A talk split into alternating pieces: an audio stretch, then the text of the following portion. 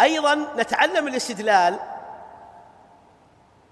والاستنباط لأن فيه إعانة على الجمع بين الأدلة التي يوهم تعارضها حتى في القرآن.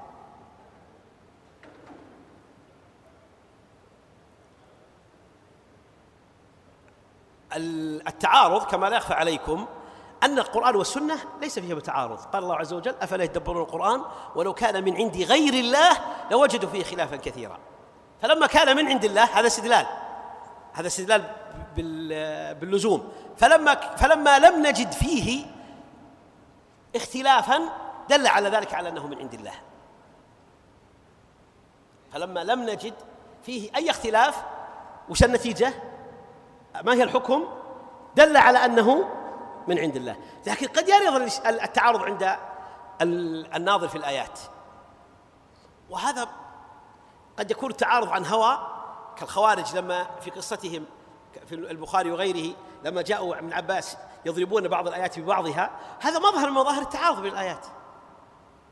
أو ما يقع حتى للمجتهد من المسلمين من أهل الحق نتيجة ضعف العلم وضعف الاستدلال والاستنباط. فوربك لنسألنهم أجمعين. فيومئذ لا يسأل عن ذنبه انس ولا جان. هذا ظاهر التعارض ولا لا؟ مثلا انك لا تهدي من أحببت ليس عليك هداهم. ثم ينفي الهداية ثم يقول في الآية الأخرى وإنك لتهدي إلى صراط مستقيم. وجعلناهم أئمة يهدون.